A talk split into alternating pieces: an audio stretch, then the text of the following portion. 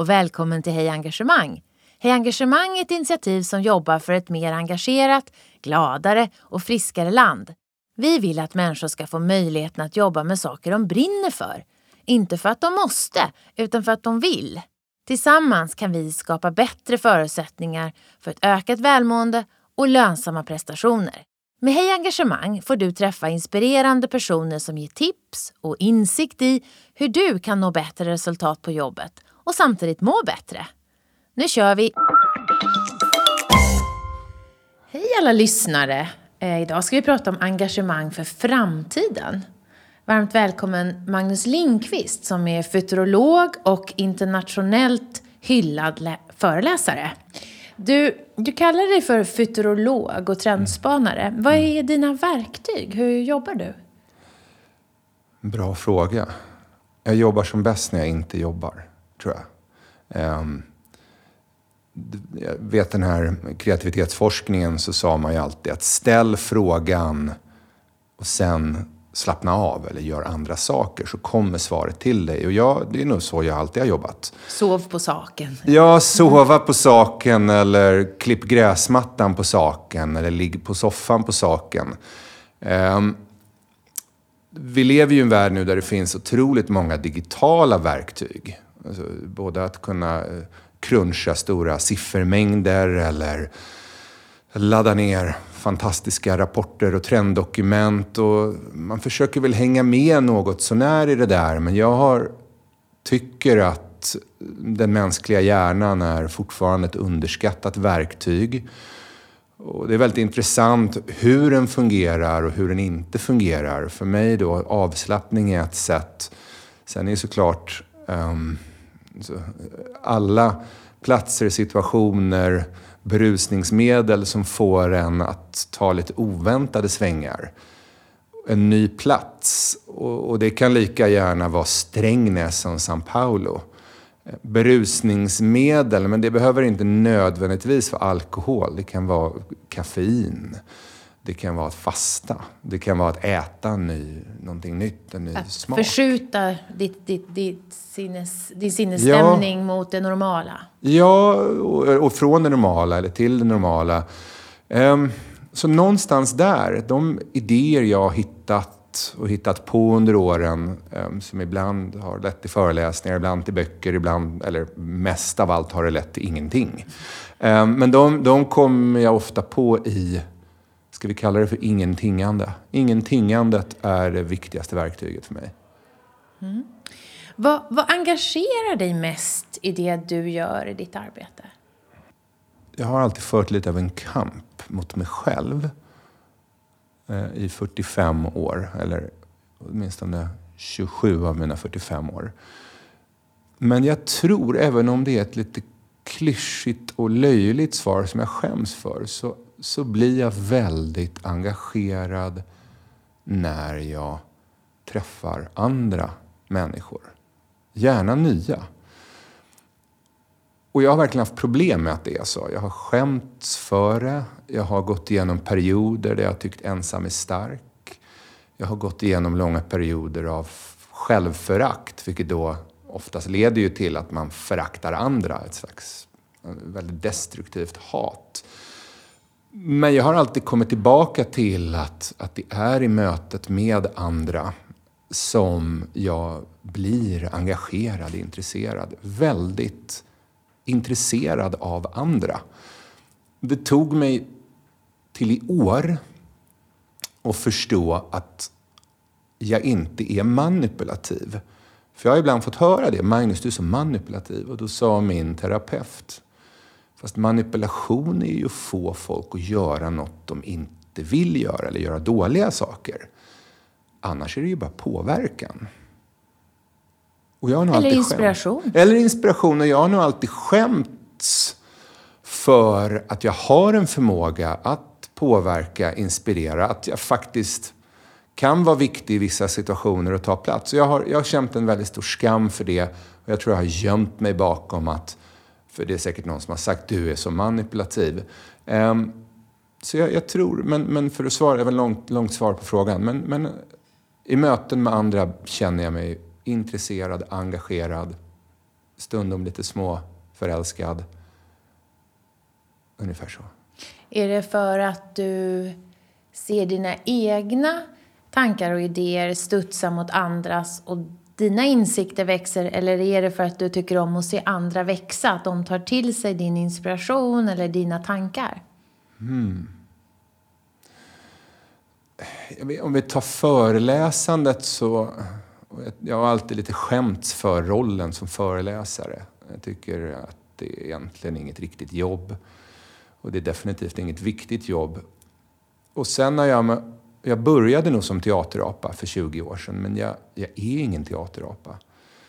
Jag blev väldigt lockad av den här Kraftwerk-anekdoten om att det här tyska syntbandet tydligen ställde robotar på en scen istället för att själva stå där.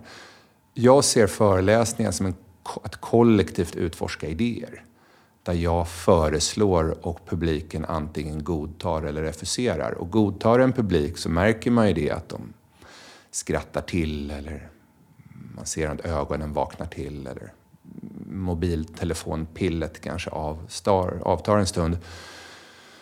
Men om jag, om jag tänker mer på möte på tu man hand som jag faktiskt också med åren har börjat uppskatta mycket, mycket mer så är det inte... Jag, jag spelar gärna bort mig själv ur ekvationen. Jag tycker inte att jag är särskilt intressant eller viktig i det. Jag, har nog, jag kan nog vara väldigt så här, intensiv i mitt intervjuande av någon annan och försöker även slappna av ifrån det. Men jag, men jag kan tycka att människors berättelser om vad de har varit med om eller vad de... Och det kan vara senaste veckan. Det behöver inte vara en sån här på djupet intervju. Liksom. Um, men sen att man landar i idéer och, och jag tror, tror Oscar Wilde sa någon gång att vi människor måste lära oss att play gracefully with ideas. Att hantera idéer lite lekfullt. Och det är ju verkligen något som 2019 lite har försvunnit kan jag uppleva. Det är oerhört polariserat och är du inte för oss så är du emot oss. Är du inte höger så är du vänster. Är du inte antirasist så är du rasist. Alltså det finns en, en väldigt hård ton och det säger många i samtalet. Att då kunna agera lekfullt med idéer, den dansen kan jag gilla. Gracefully betyder ju också värdigt. Värdigt, absolut. Alltså att idéer eh, inte bara ska viftas bort lättsinnigt. Att Nej. en idé kan försätta ett helt mm. system ur balans mm. eller en människa ur balans eller ett, en rucka på en föreställning som man har haft väldigt länge. Klok poäng. Att leka värdigt med idéer eller att värdigt leka med idéer. Där någonstans tycker jag att det finns någonting djupt engagerande. Så vilka förmågor behöver du i ditt jobb? Jag har skrivit en hel bok om det här. Jag borde ju kunna rabbla dem. Men um, fantasi. Och fantasin ligger ju bortom kreativitet. Kreativitet är att kunna göra en liten remix av det som ligger framför en vad sägs om en grön koladryck istället för en brun? Det är för mig kreativitet. Fantasi är att kunna tänka utom och bortanför ramarna. Och, och framtidstänkande handlar ju ofta om att kunna förstå att nuet och allt som håller oss lite fångna i nuet kommer försvinna. Till förmån för saker vi kanske aldrig har sett, upplevt, förstått, trott att vi behövde. Så fantasi är en viktig del. Nyfikenhet, det är lite så cringe ord för att använda mina barns språk. Um, alla människor är nyfikna, men tyvärr betyder nyfikenhet ibland så här vetgirighet. Man vill lära sig saker för att bara kunna ha en högre visste du att-faktor i baren. Det kan också betyda så här skvallergubbe, eh, skvallertant så det, det, kanske behövs ett bättre ord, men jag, jag menar det här att um, Richard Feynman, fysikern, skrev en, en bok med titeln The pleasure of finding things out. Nöjet att lära Nörda ner sig. sig. Ja, och, och, och nö, nörda ner sig också, så här poppis-uttryck eh, som jag har svårt att förhålla mig till. Um, men, men jag tror det, det finns någonting intressant och nästan allt kan bli intressant med rätt förutsättningar rätt guide, lärare, eh, rätt inställning från egen sida. Och det tycker jag är bland det finaste i, i föreläsarrollen och konsultrollen jag hade innan. Att man får röra sig i så mycket olika miljöer. Hur fungerar ett taxibolag? Hur fungerar kärnbränsleslutförvaringen i Oskarshamn? Eh, vad har William Blake och Turner gemensamt i sitt måleri? Alltså att man kan röra sig i de här och, och jag vet någon gång i någon föreläsning uppe i Luleå för, tror var ett gruvbolag. Och då var det en kvinna som drog liknelsen. Hon sa att alla expertområden nu, de har borrat djupa hål rakt ner.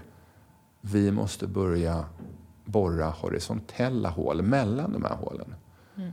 För nu är det så otroligt spetsig, djup kunskap långt ner. Mm. Och en stor vinning finns i att kunna koppla ihop dem och se vad som förenar dem. Det, ehm, så den, att, att borra horisontella hål, tror jag är, en, det är egentligen det jag menar med nyfikenhet.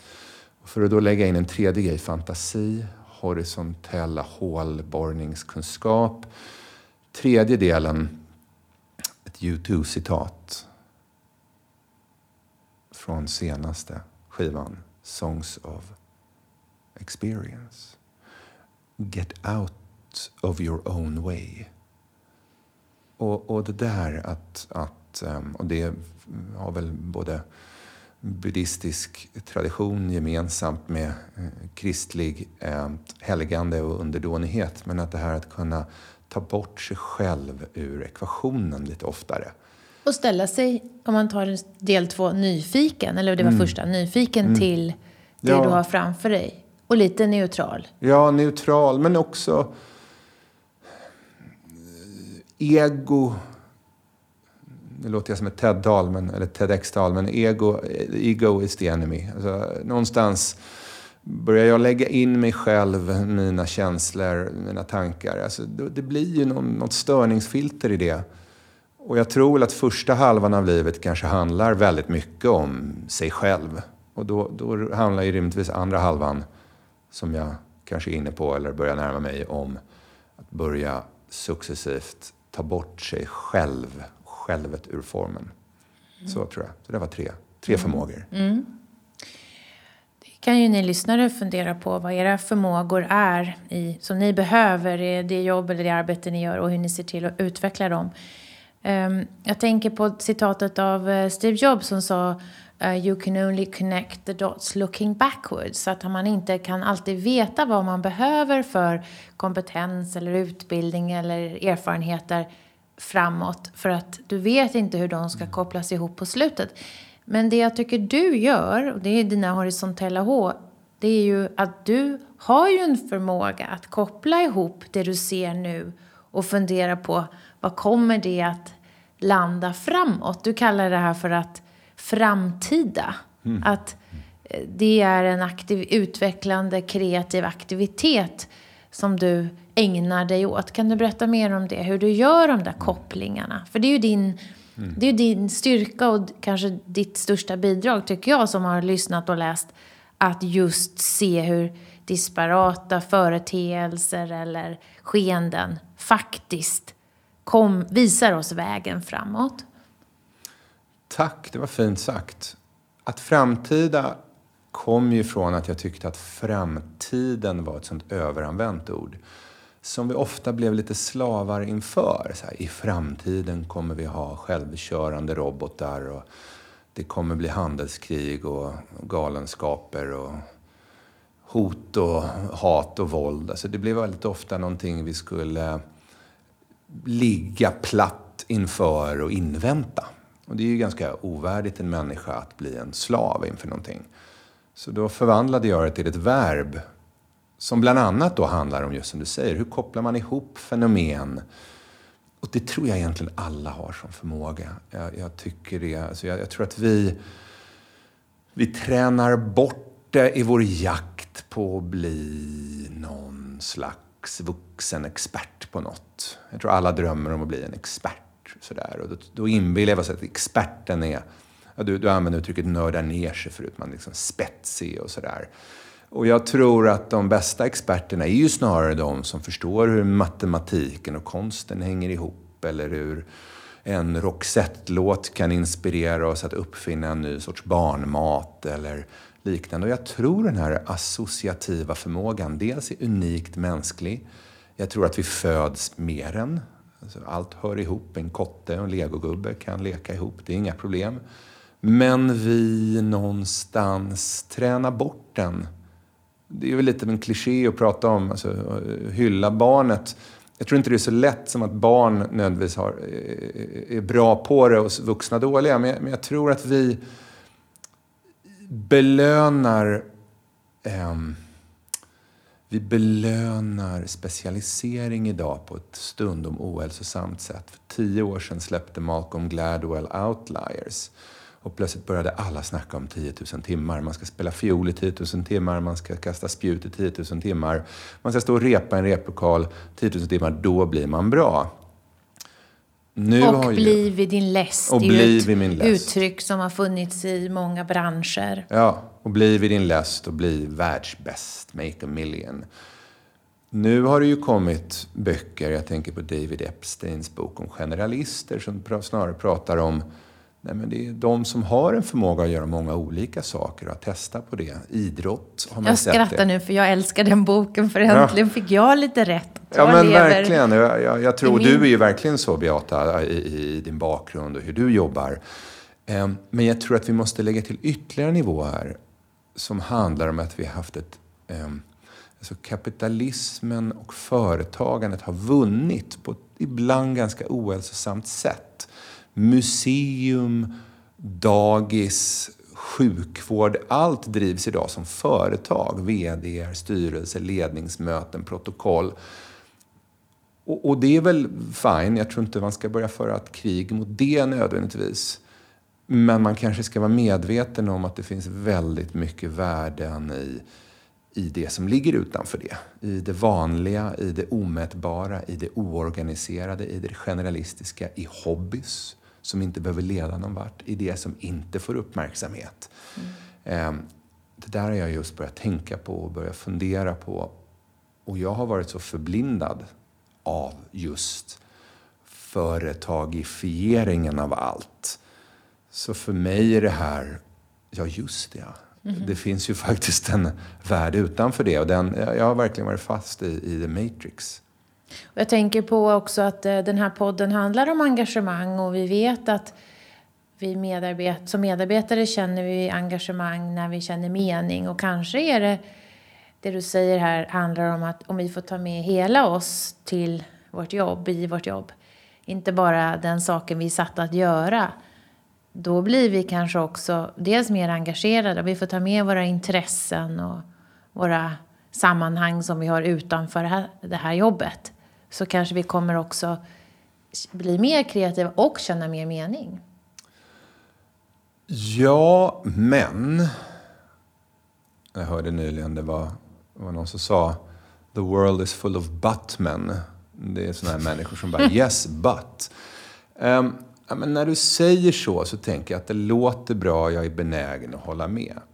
Men jag inser direkt att hela idén med jobb är också en del av företagifieringen. Vi, har, vi, vi avkrävs jobb, vi förväntas jobba, vi lägger in väldigt mycket i vad jobbet ska åstadkomma för oss. Från uppmärksamhet, identitet till lön, karriär. Om vi inte hastar till slutsatsen och tänker ta med hela dig in i jobbet, för det, det, det, det är ju egentligen att säga, gör så här just nu utan tänker att det kommer komma en dag, och det är det här som är att framtida, det är det här som är futurologin. Det kommer komma en dag när företagande inte har den här självklara platsen längre i samhället till förmån för något annat. Det kommer komma en dag när kapitalismen inte har den självklara roll den har haft i världen de senaste decennierna. Vad som kommer ta dess plats? Ja, det är återigen Pratar du med Jeremy Corbyn så tycker han självklart att det ska vara socialismen. Och pratar du med någon konstnär så tycker de inga företag utan bara kollektiv. Svaren vi får idag är mindre intressanta än de svar vi får om några decennier. Och där kanske är den fjärde förmågan som krävs som futurolog. Att ha tålamod att förstå att ju längre man väntar desto intressantare blir svaren. Och att vi kan se många olika lösningar kanske? Framförallt inte se några nu idag, utan, de, utan, utan förstå att det kommer komma saker som än, ännu inte är uppdrömda. Du träffar ju många olika bolag och organisationer världen över, både deras medarbetare och deras ledare. Vad har du kommit fram till? Vad är gemensamt för de personer som kan skapa engagemang för att röra sig framåt? Intressant fråga.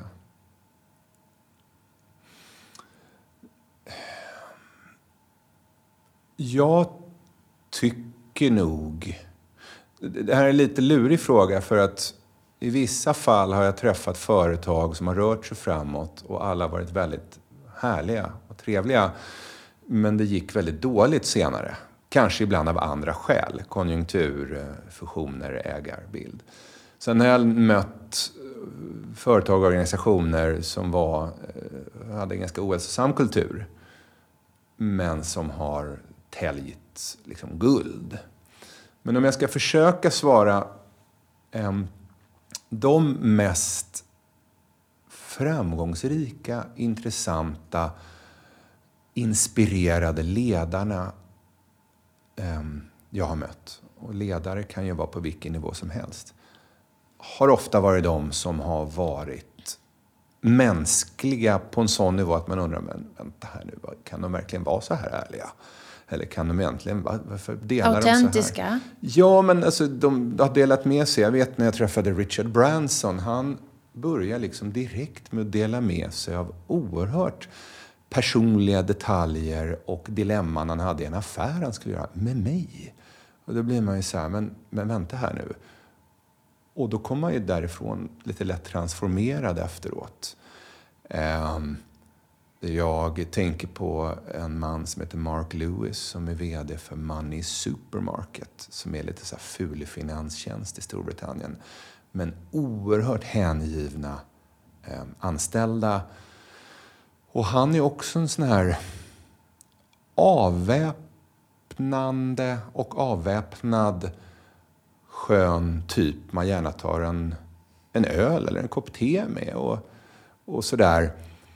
Ehm, jag tänker på ehm, Sarah McPhee när jag jobbade med henne på SPP när hon var VD där. Alla de här har den här djup, djupa, djupt ärliga, avväpnande, direkta stilen som även du har, Beata.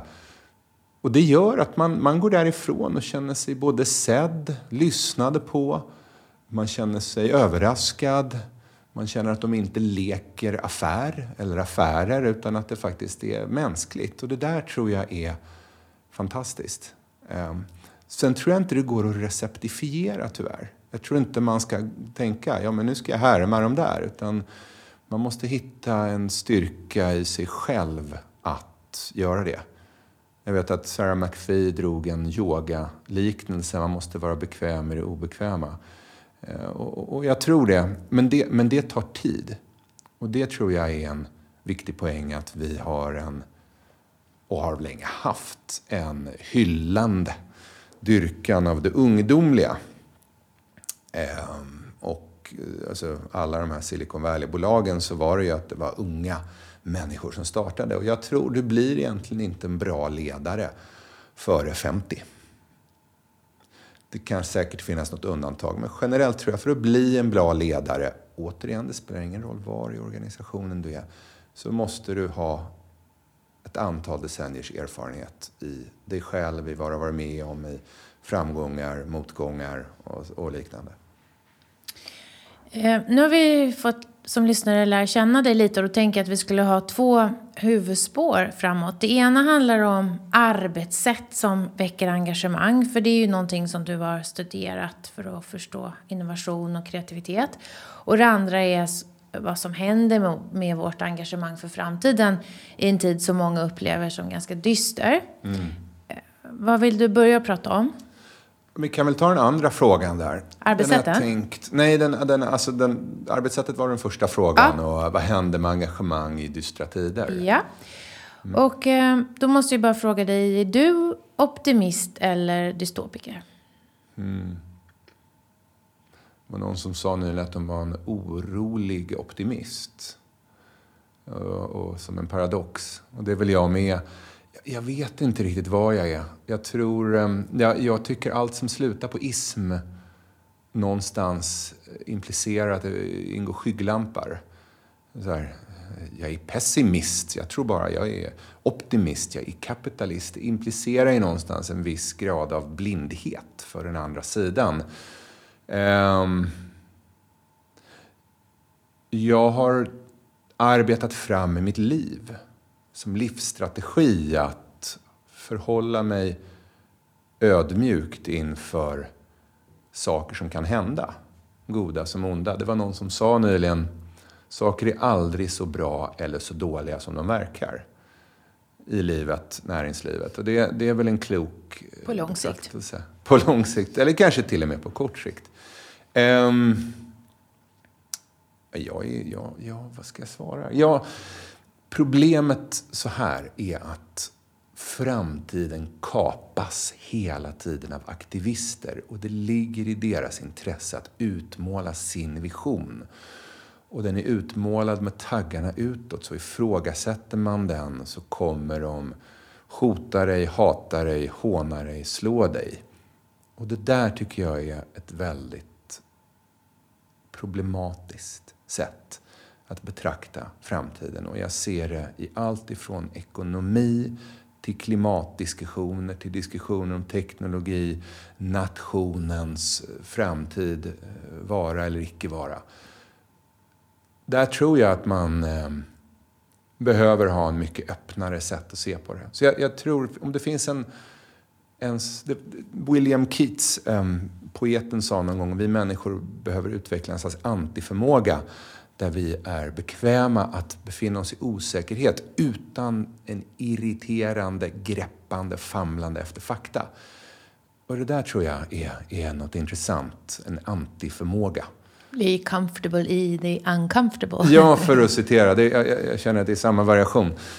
Det som händer i osäkerhetstid är att precis som naturen avskyr ett vakuum så vill ju människor gärna undvika osäkerhet och blir istället tvärsäkra. De är helt övertygade att det är exakt så här. Och då kan de antingen säga vetenskapen säger att och så börjar man banka människor med något slags vetenskapligt baseballträ över huvudet. Eller så säger man historien bevisar för oss att och så börjar man banka människor med huvudet med, en, med historiska eh, fakta och anekdoter. Och det är ju vi i mitten som någonstans sitter och tittar åt kanterna och undrar vad är det som händer. Och jag, jag, jag tror att vi måste... Ja, men mitten och mellan och lagom är ingen dålig sak. Jag, jag kommer ta mitt andra U2-citat Eh, och därigenom avslöja min otroligt generiska, slätstrukna, förväntade eh, vit medelklassmans musiksmak. Men, men Bono sa ju någon gång “compromise is not a dirty word”. Och det är inte det.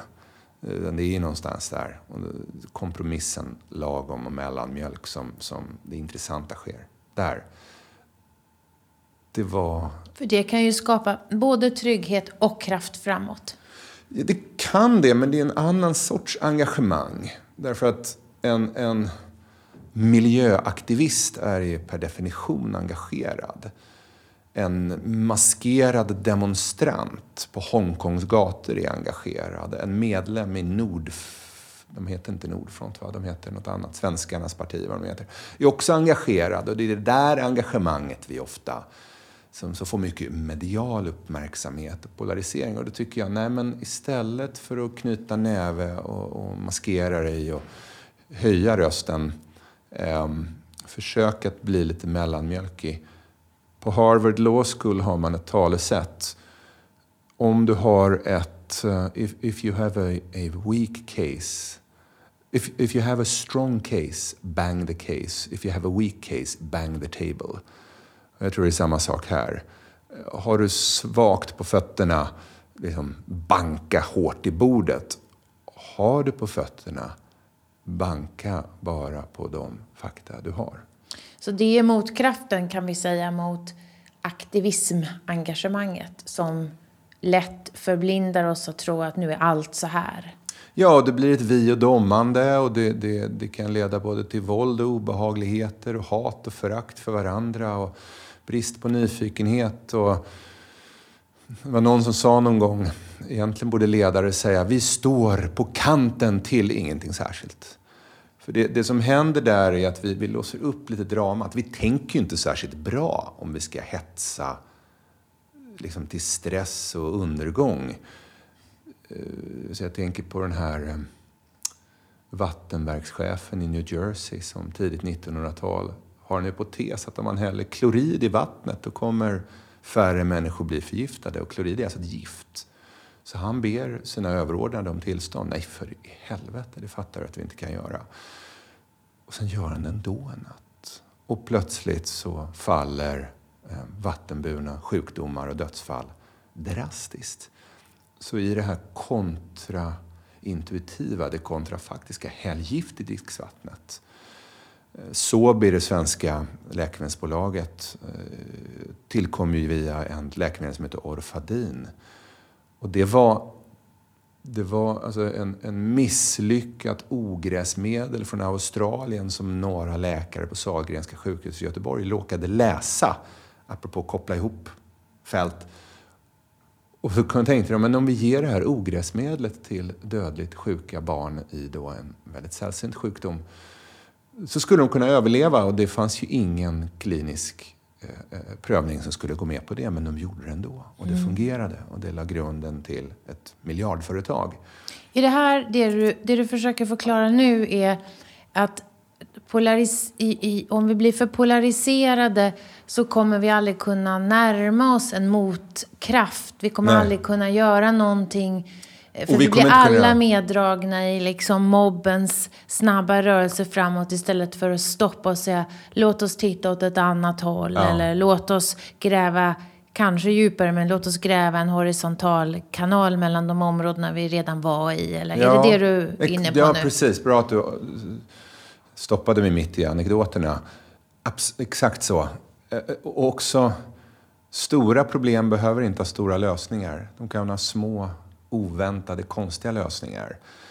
Um, ibland hjälper det oss, och jag var inne på det tidigare med verktygen, att titta någon helt annanstans än exakt under gatljuset. Um, så jag, jag, jag, tror det. Och, och, tillbaka till det här att det finns ju i det lekfulla experimentet lösningen snarare än en stor radikal samhällstransformation och revolution. Ehm, jag blir väldigt rädd för sån retorik.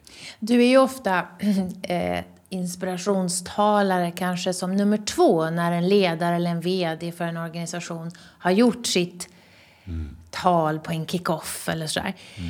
Eh, har de som lyckas engagera på ett hållbart sätt, hur talar de om framtiden med sina medarbetare? Vilken bra För fråga. du sitter ju ofta ja. där och lyssnar ja, på det här. Väldigt, ja, jag försöker sitta med och, och lyssna och, och, ta in rummets känsla. Alltså, de bästa ledarna har ju en förmåga, eller när vi, tar, när vi pratar tal då, det här State of the Nation-talet då som VD eller någon annan chefsposition ofta har. Så är det ju ofta en förmåga att att eh, bjuda på sig själv, gå tillbaka i historien, lyfta fram de små händelsernas magi, dra oväntade slutsatser. Alltså säga saker som vi kanske inte riktigt har läst i tidningarna. Um, vilket får folk att tänka till lite grann. Alltså om, vi, om vi tar ett exempel. Jag var på, eh, hos en stor, inte särskilt känd, men ändå stor möbelkedja där eh, vdn, en kvinna, sa det här handlar inte om kvalitet. Det här handlar om att faktiskt bara vara good enough. Därför Tillräckligt bra. Ja, därför att vårt sätt att leva och möblera och hålla på har förändrats så drastiskt jämfört med vad det var. Så vi kan inte fastna i det våra konkurrenter gör som är god design, kvalitet, hållbarhet, sustainability. Vi måste göra något helt annat. Där spelar det kanske egentligen inte någon roll om hon har rätt. Men det hon säger är lite oväntat. Så jag vet att många i personalen där tänkte till. Ja, men vänta här nu. Det var något nytt, det var något avvikande, det var något oväntat. Tillsammans med hennes sådär eh, bjussa på sig själv-stil så blev det otroligt effektivt. Mm. Jag tänkte nu vi skulle prata om det andra eh, spåret som är det här med arbetssätt som skapar engagemang. Mm. Och du gillar ju musikreferenser har vi hört. Mm. Uh, och det är ju jättekul för det har vi väldigt sällan i podden. Jag tror faktiskt att det är första mm. gången. Mm. Och uh, du älskar YouTube. Um, Youtube älskar jag. Youtube, YouTube menar jag. YouTube, jag. jag. jag. vet inte om jag älskar dem så mycket längre. Jag, jag, jo, men jag, men om ja, vi tar okay. Berlin 1991. Mm. De går in i en studio. Mm. Um, berätta väldigt kort om den processen. Vad händer där inne? Och när, blir det, när börjar de känna engagemang? Kort bakgrund. U2 hade då ägnat 80-talet åt att spela in några mästerverk varav The Joshua Tree var kanske mest känt. Sen så blev de väl övermodiga och började återupptäcka bluesen och klädde sig i cowboyhatt och skulle lära USA om sina egna musikaliska röster. Och det får man väl verkligen kalla övermod. För de kommer ju från Irland. De kommer från Irland. De kom till USA tidigt 80-tal som en så här postpunk-fenomen. Liksom. Och nu började de bli väldigt förknippade med någon slags amerikana-genre. Så de håller på att gå i kreativ konkurs och beger sig då dit alla gör för att få på nytt födelse Iggy Pop, David Bowie, nämligen Berlin. Och då går de in i Hansa Studios och eh, det finns liksom ingen storhetskänsla kvar där. Rummet inspirerar dem inte så de till, ägnar månader åt att jamma och halva bandet är inspirerade av den här Manchestervågen som var då Happy Mondays och elektronika, KMFDM, Einstürzen, den Neubaten. Andra hälften ah, vill väl köra på lite skön, soft, bra musik. Så här är det djupt oengagemang och i dokumentären om det här så pratar de om att de byggde murar mellan varandra, vilket är att förråda idén med ett band. Ett band är en klan någonstans där man delar. Och jag tror månad tre, fyra, fem så spelar de någon slags habil slinga som de har repat fram. Och sen kommer de på att vi improviserar ett solo. Och när de improviserar solot så dyker fyra ackord bara upp. Och det vet alla som håller på med musik, att så kan det vara när man jammar. Man provar, vad händer här om jag gör det här, eller det här greppet på pianot, trummorna, oboen. I det här fallet då så kommer ackorden till det som skulle bli låten One till dem. De har beskrivit det här, att plötsligt händer det något i rummet. Det var som att rummet förvandlats. Det är, de är ju religiösa, så för dem blir det ju en transcendental upplevelse. Men jag tror vi alla varit med om det här, att man är frustrerad i en kreativitetsworkshop. Man försöker kanske få ur sig något manus, skriva något. Inspirera barn i Sankt Erikskuppen att göra någonting. Och då plötsligt så händer någonting lite oväntat och det är som att idén kommer som en skänk från ovan eller inifrån. Och i det här fallet då så hittar de en ny tråd som påminner lite om de rötter de kommer ifrån. Och, och de sa sedermera att vägen ur skrivkramp är alltid ärlighet. Så One, som, som paradoxalt då är, är en väldigt ofta spelad låt på bröllop, handlar ju egentligen om separation och skilsmässa. Men det var ju det, att bli ärlig med den här sönderfallet som skedde i gruppen och även i några medlemmars privatliv. De här ackorden som kom lite från ingenstans. Där föddes ett engagemang för det nya.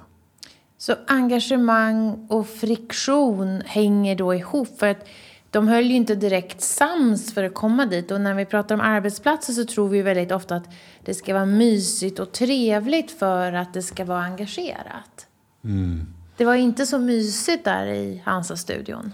Jag kallar det för kreativ friktion just för att eh, nej men det är olikheter som skaver mot varandra. Och det är ju de mest fruktbara relationerna vi har. Vare sig om det är pojkvän, flickvän eh, eller i kreativa partnerskap eller företag. Det är de situationer där vi tvingas störa oss på någon, självreflektera. Eh, God argumentationsteknik pratar ju om det. Tes, antites, syntes.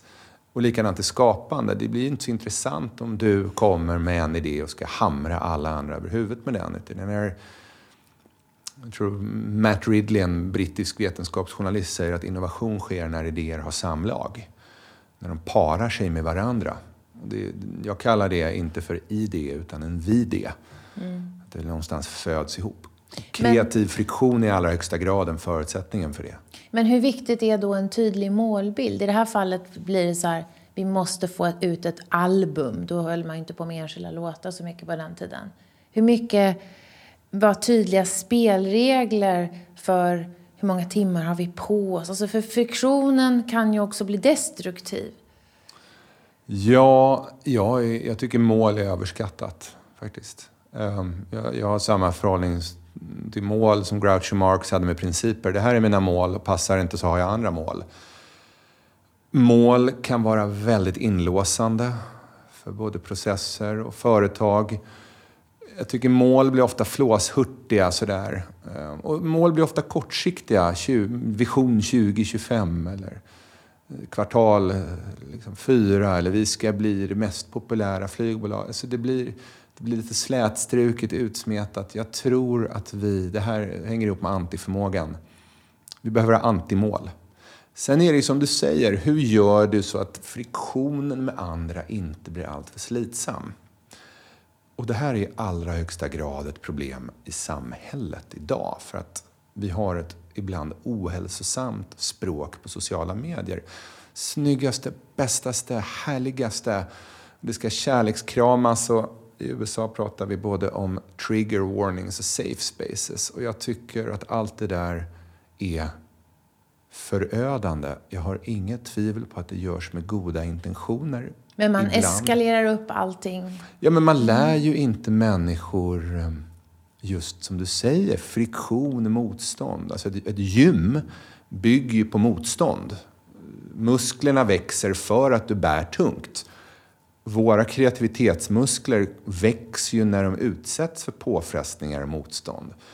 Och det tror jag, jag, jag tror att vi behöver ha en funderare här att vi måste kunna bli snabbare ärliga med varandra. Och jag tror att det är det där som har och där är väl min generation även tidigare, att man, man var så oärlig så länge så när man plötsligt en dag blev ärlig trodde folk man hade blivit galen och blev jätteledsna. Mm. Man måste mata människor hela tiden med lite påfrestningar. För er som är unga och lyssnar så kallas Magnus generation ibland för ironiska generationen. Generation X, ja. Mm. Det är mm. inget vi är stolta över. Har du sett något exempel på teknologi som kan stödja oss människor i att jobba med just hopkopplingen av eh, olika företeelser och olika erfarenheter på ett friktionsfullt sätt. För det är ju, friktion mm. vill vi ju då åt, mm. men ändå som är engagerande och hållbart över tid. Vad ser du där, förutom liksom tidsrapporteringsappar och Powerpoint? Vi har inte så mycket teknologi i våra jobb Nej. idag, som vi tror.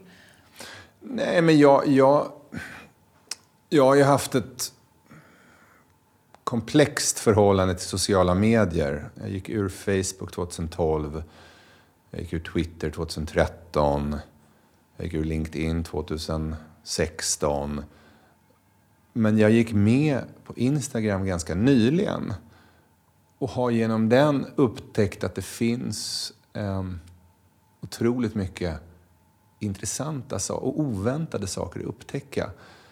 Eh, det finns ju i, i Instagram ett förstoringsglasknapp. När man trycker på den så får man ju plötsligt oväntade bilder och kopplingar och man kan dra, man kan ju ägna timmar åt det. Men, men där har jag märkt att det finns en lite sådär eh, diverse låda med både personliga upplevelser eller mästerliga landskapsporträtt eller konstiga föremål och sådär. Så jag, jag, jag, tror inte vi ska kasta ut det och, och, hoppas att det kommer en ny app.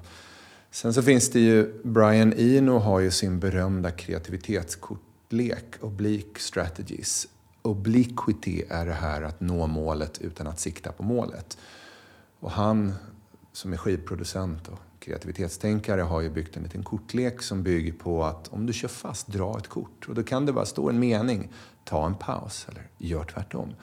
Den finns också nu som app. Jag använder den ofta. Ja, men jag vet. Och det är många som, som gör det i, i Ibland bara som någon slags daglig affirmation. Men den finns ju såklart som app. Ehm, med många, många fler kort. Ehm, den är fantastisk.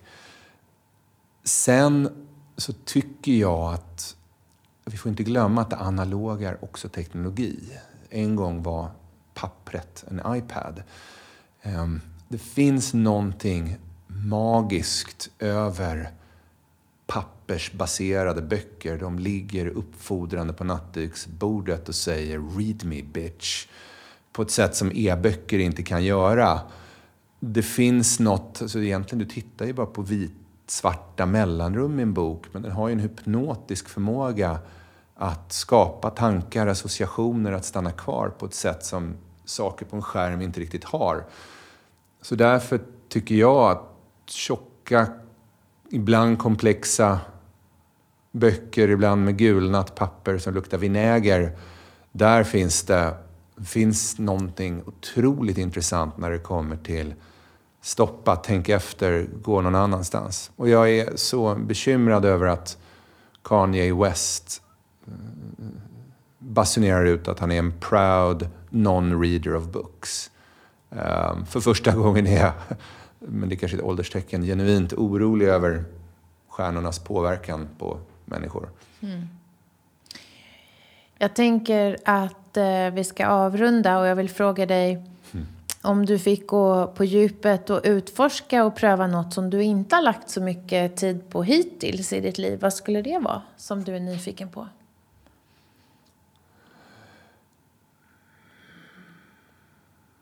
Poesi. Att läsa mer poesi, att skriva mer. Jag tycker de gångerna jag har lagt ner tid på det, vilket inte är särskilt mycket, men de gånger jag har lagt ner tid på det har det hjälpt mig och påverkat mig enormt mycket och positivt. På vilket sätt är det värdefullt att skriva poesi?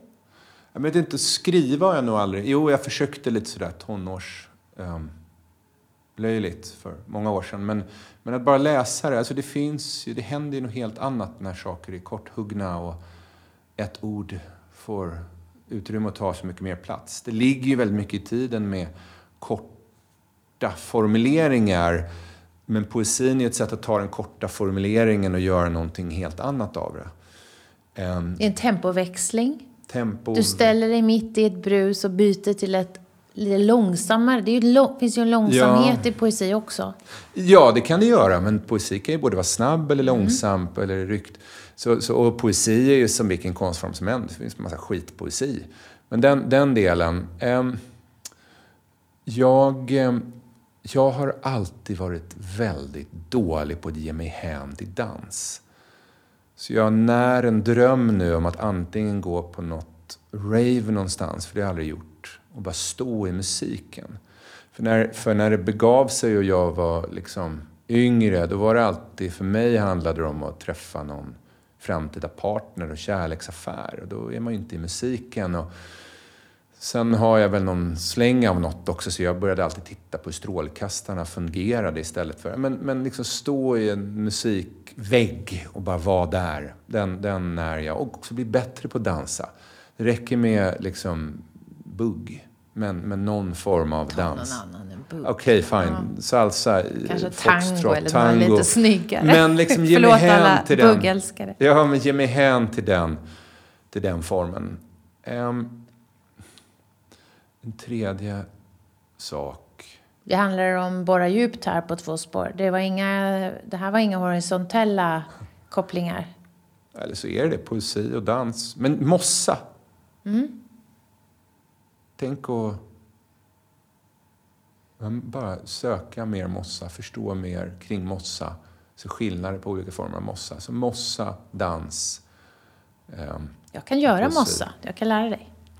Wow. Ja, det, exakt. Lära mig göra egen mossa. Jag vet hur man gör.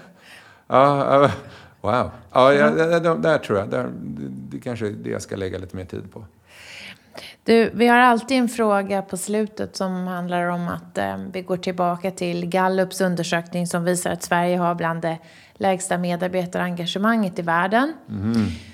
Jag ska inte fråga dig det idag, men vi, ibland pratar vi om varför våra gäster tror att så få människor älskar att gå till jobbet. Men eh, jag ska fråga dig så här, sista frågan. Om vi, hade, vi, vi insåg hur, hur, farligt det här är så kanske vi skulle ha ett, eh, en engagemangsminister på sikt vars jobb var att eh, fundera på hur vi skulle öka Men det är ju ett svenskt både medarbetare och medar, medborgarengagemanget. Om du var engagemangsminister för en dag, vad skulle du ägna dig åt då? Men jag, jag tycker att det är helt feltänkt att vara engagemangsminister. Toyota fick ju inte bättre kvalitet på sina bilar för att de hade en kvalitetsansvarig. För det hade alla amerikanska biltillverkare. Det var när de byggde in kvalitet i varje medarbetares roll på ett annat sätt och skapa det här japanska produktionsundret. Ehm, jag tror det skulle vara förödande att ha en engagemangsminister. Så jag gissar väl att det första ska jag avskaffa mig själv och säga det här var ett misstag, eh, jag hittar ut själv härifrån. Ehm, du är den första som har sagt det, så att du är verkligen en kreativ person. Alla andra gäster har gått igång på, åh, hur ska vi skapa och utforma den här nej, rollen? Jag, Vad ska man göra? Förödande, förödande skulle det vara, din dum idé. Sen måste jag också säga, så fort det är sådär... Sverige har en förmåga att sätta sig själv lite på en pedestal och tro att bara för att det händer här är det viktigt och intressant. Det är det inte. Jag har hört liknande siffror. Jag skulle säga att alla platser jag har besökt konferensmässigt har så här, yes, here in Poland we have very low engagement levels. In America, workers are not very engaged. Jag är lite... Jag, jag tror att det där är inbyggt i hur man ställer frågan. Vi pratade tidigare om företagifieringen av allt och därför jobbet. Det är väl inte så farligt om människor har lågt engagemang som det de gör, då kanske får ut det någon annanstans. Mm. Ställ mm. andra frågor. Nej, men ur eh, verksamhetens perspektiv så vet vi att det påverkar innovation, det påverkar produktivitet och det påverkar människors hälsa. Så att där måste jag nog säga emot dig. Men jag gillar att du ställer dig så som du har förespråkat. Du ställer dig stadigt och säger vänta lite, låt oss förstå, gå inte bara på det här, extrapolera inte bara snabbt framåt utan fundera på, finns det något helt annat som påverkar? Finns det någon helt annanstans vi ska börja leta? Ska jag vända mig om och titta någon annanstans? Och det får vara det sista från eh, dagens gäst, Magnus Linkvist. Tack för att du var med i Engagemangspodden. Det var underbart och engagerande. Tack Beata. Tack alla lyssnare. Vi ses nästa avsnitt. Vi hoppas att vi har väckt tankar om hur du kan bidra till ett mer engagerat Sverige. På hejengagemang.se kan du hitta mer inspiration och tips kring hur du som individ, ledare och organisation kan jobba för att skapa ett ökat engagemang, välbefinnande och nya resultat. Tack för att du har lyssnat!